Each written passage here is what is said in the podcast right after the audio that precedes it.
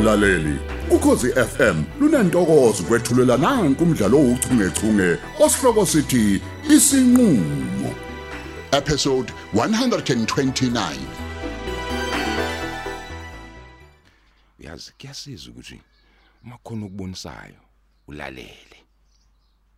Kuhle nje ukuzehlisa ngoba eh, kuza nesombululo ubungeke ukwazi ukufinyelela kuzona ngenkani yakho. Yazi indlela akhulume ngayo ubhekisisa ngiyayithanda. Qinisile umethi ulaka libuyiseli. Kanti isongeso lingadala ukuthi sonke sibe zimpumputhe. Njengalento eyenzeka kulempi yale kwaIsrael nePalestine. Isiqeda abantu abaningi kwabhubha abadala nabancane. Ngenxa nje ukuthi bahluleka ukubeka phansi imimoya basebenzisa ingqondo. Hey yazi uolwethu naye u- u- ugcine sekhuluma nje into ezwakalayo. Noma engashongo yena ukuthi uzohamba nami kodwa nje u- u- ukusho kwakhe ukuthi uzoyicabanga lento hayi kusho ukuthi sekukhona ukuthamba kwenhliziyo. Uy- yabona ke manje sekudingeka ungqo womuthi In- umuthi othi i- into ezomenza thambe bodo okukabhanana uqwinyiswa isikhathi eside ezomenza dansela isiginci sami. Ayena ngenqamba manga hayi ngimkhumbula ubaby wami ayimkhumbule esengiloku ngiqubeza likazini la ezinamadodazo ngibe nginomfazi omuhle simatsatsa simomonde isiphatsha ingane encane inapa inunuza mfethu. Yazi manje iqondo wami man hey. Eish eish eish Fatima Fatima Fatima. Yini? Ufunani manje lo? Hey. Hey angilibambe lona ucingo lwakhe hey. Yes? Hawu, kanjalo nje. unjani? Kanjalo nje vele umuntu usebingelela kanjalo. Yes. No no no not kanjalo isithando sakhe yazi Hayibo, sakhe. Ukhuluma ngobani mabuzo? no uyafila kodwa Fatima Yini kwenze njani vele ngawe? Ubani ukucasulile ngoba phela ngiyakuzwa ukuthi ucikekile nje.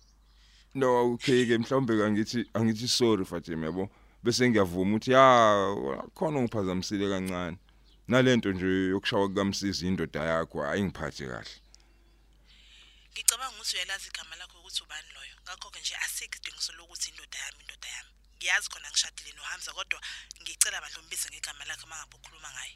okay okay ngiyezwa Lalela ke, kuyaphuthuma ngidinga ukuthi sibonane ngokusheshsha. Fatima Eh mina ngisesaba mfethu ngisesaba nje ukuthi ngibonane nawe emva kwalesa sigeme game angicabanga ukuthi kuwumbono omuhle Mabutho kuyaphuthuma kahle kahle nje awukwazi nokuthi no kulento. Awunayo ngisho choice. oh ngamanye amazwi is like a command or an instruction Injengobusho nje. ngiyakhonjwa la commander in chief Naloko nje futhi kusa right ngiyakucela bandle ngidinga ukubona.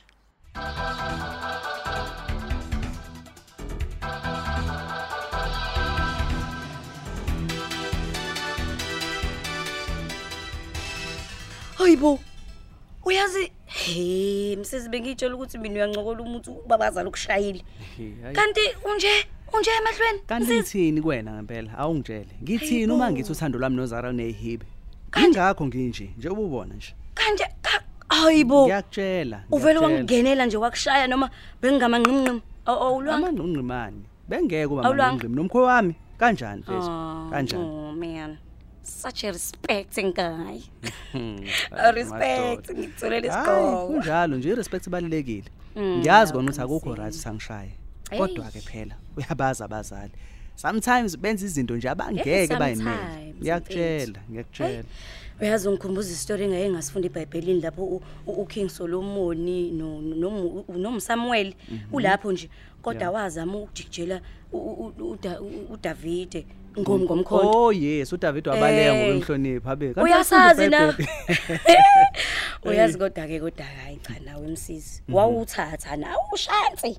Hayi wawathatha shema amashansi wazi kahle nje ukuthi kunebeef ekhona phakathi kukababa wakho nobaba kazara uthando futhi ubuzothini kodwa kuba ufeel like hawu bengizowazi ngani ukuthi ngifile? Hayibo Hayi. hey lalela. Yabo labo nje bayibangela into zabo zepolitiki.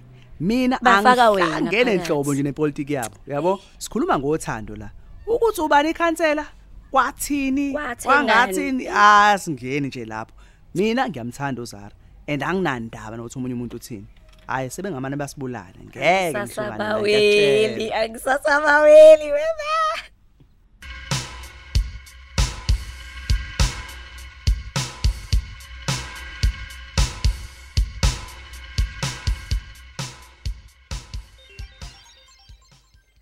Hawu. Hey, uzohamba uzwabuya bafo. Hey madoda. Ifuthi. Ehhe. Unjalo baba. Hawo bo bo bo bo bo. Hey uyabolela ilanga mfowethu. Hayi hayi hayi hayi. Yeke Hayi mfowethu. ngishisile Hawu. baba. Ngeke ngeke ngeke. Hey bafo, ayiyeke bafunda bayelanga. Hey libasi le ndoda madoda uyangibona nje nami sengemnyama ngithe sucu umfana kithi manje ngiyinkuyishela. Hey. Kodwa ke bafo, kangathi akulona kuphela ilanga inkinga yakho mfowethu. Ubuke kujulile mfana kithi ukhathazekile. Yini kusayile yandaba mfowethu besikhuluma ngayo ekseni. Uma ke usho le divorce wemfowethu hayi. Kuseyimpela lengidlayo. Hayi hayi uma uthi yakudla mfowethu uqonda ukuthi usubuye washintsha umqondo. Hayi hey kanjani? Uthini? Lutho mzala. Ya. Ngisemi nje lapho mina ezwini. Isehlukaniso nje mfowethu ngisasifuna nje nginesiqiniseko futhi salokho. Cele mfowethu angaze ngicabanga ukuthi kuke kufike isikhathi esinjena bafo. Phela ngihlalile isikhathi eside la ekhaya nawe nino Fatima bafo. Kubhlungu kakhulu ke lokho engikubona kwenzeka njengamanje. Mfowethu. Hey, Ubhlungu impela mfowethu kodwa ke phela impilo mfowethu ayisefani manje. ingakho mfowethu nami bade nginethemba lokuthi isinqumo sakho sokwehlukanisa kusengenzeka mfana kithi sihambe sishintsha. Hayi mfowethu i-final decision lena iyona yokuthi ngiyehlukanisa mina noFatima. Lo muntu wesifazane mfethu usengitshengisile ka- ka- kaningi nje ukuthi yena akasenalo uthando lwami. Kusukela mfethu ekhuluma nami ngaphandle kwenhlonipho kuze kube la nase simbamba khona ke nomabutho. Hayi mfethu bekusobala konke nje lokhu mfethu ukuthi isilima lapha imina. Ngase ngafunda ke isifundo sami mfethu akukho kunye ngale kwalokho. Ayi. Gazi lami ngiyakuzwa mfowethu, ngikuzwa kahle cele, ngiyakuzwa bafo. naleli iphupho nje futhi elibi engibe nalo nje lenza ngibe nayo nje futhi ishoyo ukuthi hayi lento engiyifunayo iyona mfowethu Mana mfowethu uthini manje? Iphupho. Hayi kahle mfowethu, E- elithini lelo phupho? Belimayelana nani bafo lelo phupho lelo? namanje nje mfowethu kuhlasimula umzimba mfowethu mangilicabanga Hayi kahle ndoda yibo. kuleli iphupho mgenge bekukhona uFatima Ya? engijaha mfowethu and akangijaha uhamba yedwa ungijaha nje uphethe umkhonto Hayi kahle wena. sengijuluke mfowethu ngimanzi te te te te te ngimbalekela ngithi ngiyabaleka hayi nanga uhleli la Uthe suka lapha. Oh, yima yima yima bafima mafu.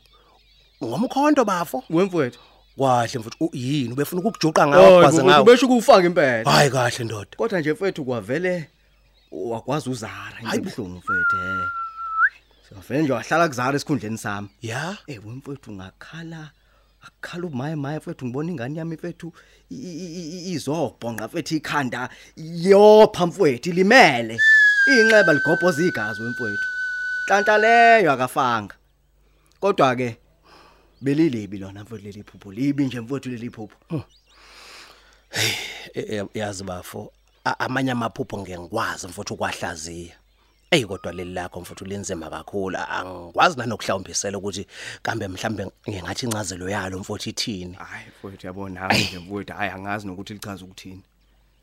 Ukubaleka ngapha imkhonto, isililo, zonke nje lezi zinto mfowethu uzichaza ukuthini ngempela mthambo. Ey yazi mfowethu uma ngicabanga lapha ngininga ngokubanzi. Ngibona mfowethu kuzofanele ukuthi uyisukumele indaba leli phupho khumbuza ngiyakucela mfowethu. Awukahle ukulikhumbula kwakho kukodwa nje mfowethu kuchaza likhulu bafu. Mfowethu. kuye kuthiwe kamaphupho mfowethu o- owakhumbulayo asuke efana nemiyalezo yabaphansi esamike isiluleko bafu sithi sukuma mfowethu sukuma impela mfowethu kusakhanya bafu. Hey mfowethu kusho kona ukuthi inkulu into engibekelwe yona la. hey mfowethu. Impela sukuma ngana kwethu Hayi ngiyabonga mgenge mfowethu.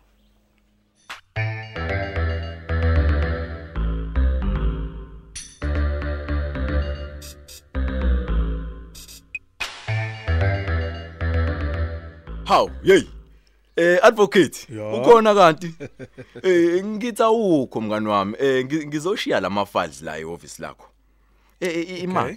Walapha ngalesi sikhathi sekuphela amacala yini ezinkantolo. Hey Mr Thusi Eh. mfowethu ngikhona nje kodwa kangihleli. Mngani wami. Kingahlala kanjani mfowethu amacala enkantolo nihlale nibambe igebengu nina ngala nangala? Ezinye sacwela amathafa nje. Noma zingagcwala amaqele. Kodwa ko- ngiyakutshela kodwa zogcina zibanjiwe mngani wami. Usho mina mfowethu?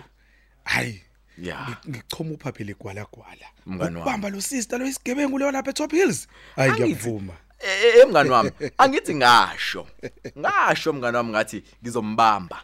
Kanjani ke namhlanje? Wasigojela impela lesiyasigila mkhuba mfowethu. Eh, kodwa sake sathi ukukushilisa kancane mfokathusi kwajuluka impandla la kuwena usucabanga amaqhinga uhlanganisa uhlanganisa eh? Mngani wami ey yabona nje mngani wami eh, ngizizwa nginamahloni. Nanamhlanje yabo ngizawafuna lawo maqhinga chief. Yize mfethu leli lesisigeleke qese singaphakathi Mhm. eh phela mfethu leli cala lisazothatha isikhathi eside kakhulu. Nesiphetho salo asisazi. Angithi uyayibona indaba? Mm. kusangenzeka noma yini mngani wami? Ya ke ey kuseyisiqalo lokhu mfethu. Eh luselude ukhalo. Angifuni ukujabula kuze kweqe mngani wami. Ah, ah, lalela lalela. Mthunzi pat yourself in the back mfowethu ehe uma wenze kahle nje ungahlali ulindele ukuphoxeka ogcina uzwa sengathi awusebenzanga kahle noma umsebenzi usalele emuva. Wenze umsebenzi oncomekayo mthunzi. Mngani wami. Uyabona nje mfowethu osuhlula abaningi iminyaka emide futhi. Hayi, kodwa wena wakwazi ukwenza kahle mfowethu. Ngalokho ke nje ngikwethulela isiqhoko Ay mngani wami I, guess uqinisile. Eh ukuthi nje mngani wami u- u- ukuziba lo muzwe enguzwayo mfethu ey ey, ey, kuyangihlula. hayi Khona lento engizwayo. angazi inhloboni yomuzo oyizwayo kodwa wena uqale into enkulu ubamba ufisho omkhulu kabi phela mfethu wale operation ye traffic organs Kodwa eh, eh wemngani wami ukubamba yena yedwa akuyivimbi le operation yabo. Angithi ayibo lonto.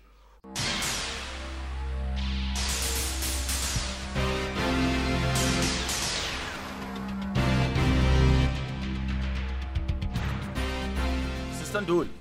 Hawu, wangibiza umbona nje nsele sekwenze njani ke manje?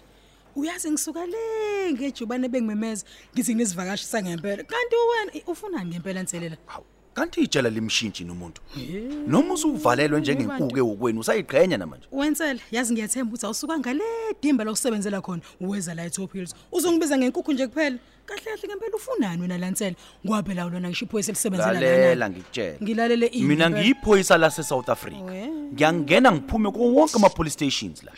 Ngisho noma ngakuthi uboshelwe egoli, We, uyongibona mama. sengithushuka khona. nakhona lapha egoli uyofika uthithize kanje ngisho ngoba phela la uyathithiza nje akakasho lutho nanokuthi yini ozoyenzela ngempela ngempela ngempela Patience sister Ntuli. Patience. Ngiyeza lapho, ngiyeza lapho. Angithi besancokola njenganabangani phela. U- unomngane njengami wena mawucabanga Cha, lalela ngizwile bethi uvalelwe.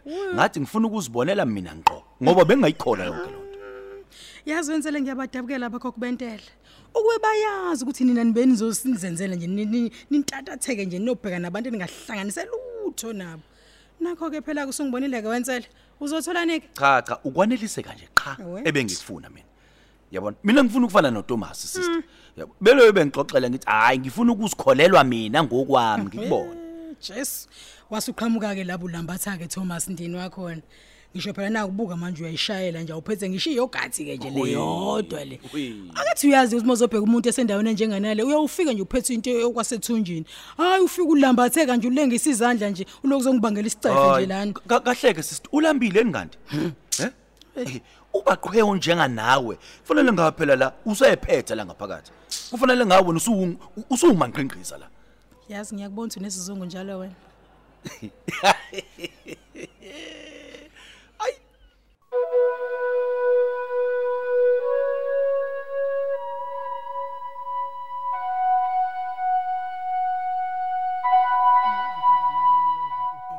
Uyazi njalo.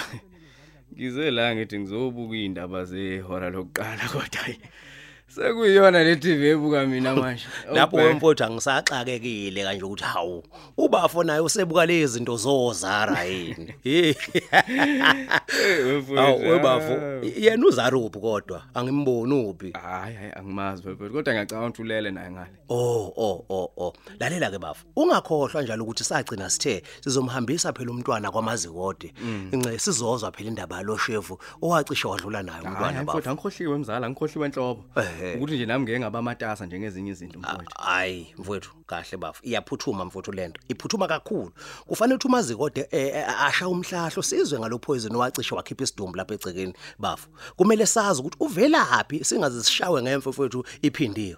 Qaphela ndoda. Hayi mfowethu hayi. Eqinisweni nje mfowethu uzara ngi- ngisaphumile nje kuyena okwamanje. Hayi bafo. Hayi ngiyehlile nje mina indaba yakhe ngoba manje angazi ukuthi yini le ngempela yenza ukuthi alethe isoka lakhe la kwami mthambo okungiphoxa kakhulu nje mfethu ukuthi lo mfana indodana kaMabutho angazi lengane ukuthi icabange ngicabangelani ngempela yini le yenzayo?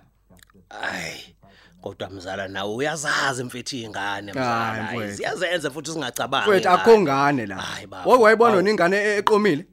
Ingane lethe isoka layo kubo? Hayi mthambo umsuganga ngami.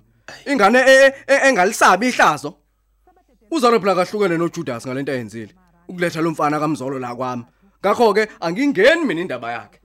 Wemfowethu usho ukuthi ngamanye amazwi ukuthi asivele siyiyeke kanjalo le ndaba mfowethu. shiya kulenga nje mgenge yeke kanjalo. Umuntu odinga umazikode la imina naleli phupho lami lemkhonto. Kofanele ngiye mina kuyena angenzele ukuthi ngazi ukuthi lichaza ukuthini ngempela leli phupho. Hayi indaba kazara akapake nje lo kancane ame kancane.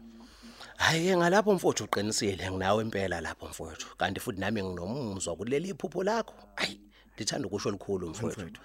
akusize nje ulisukumele mfowethu kusashisa nje. Awuke ucabange nje mfethu u- ukujaha uFatima ngomkhonto. Cabanga nje ichaza ukuthini nje ngempela leyo nto? Ayi. Ekubeni mfethu sineyinkinga ezingaka vele emhlabeni. Kukhulu nje mfethu okonakele lamthambo mfethu. Ngiyakutshela ku- kukhulu. Hayi kodwa ke sithembe mfowethu ukuthi mhlambe iphupho nje ebelimane lingasho lutho litheni mfowethu. Mthambo mfethu awushintshe lento yini yona le channel le? Awuyishintshe lento shintsha lento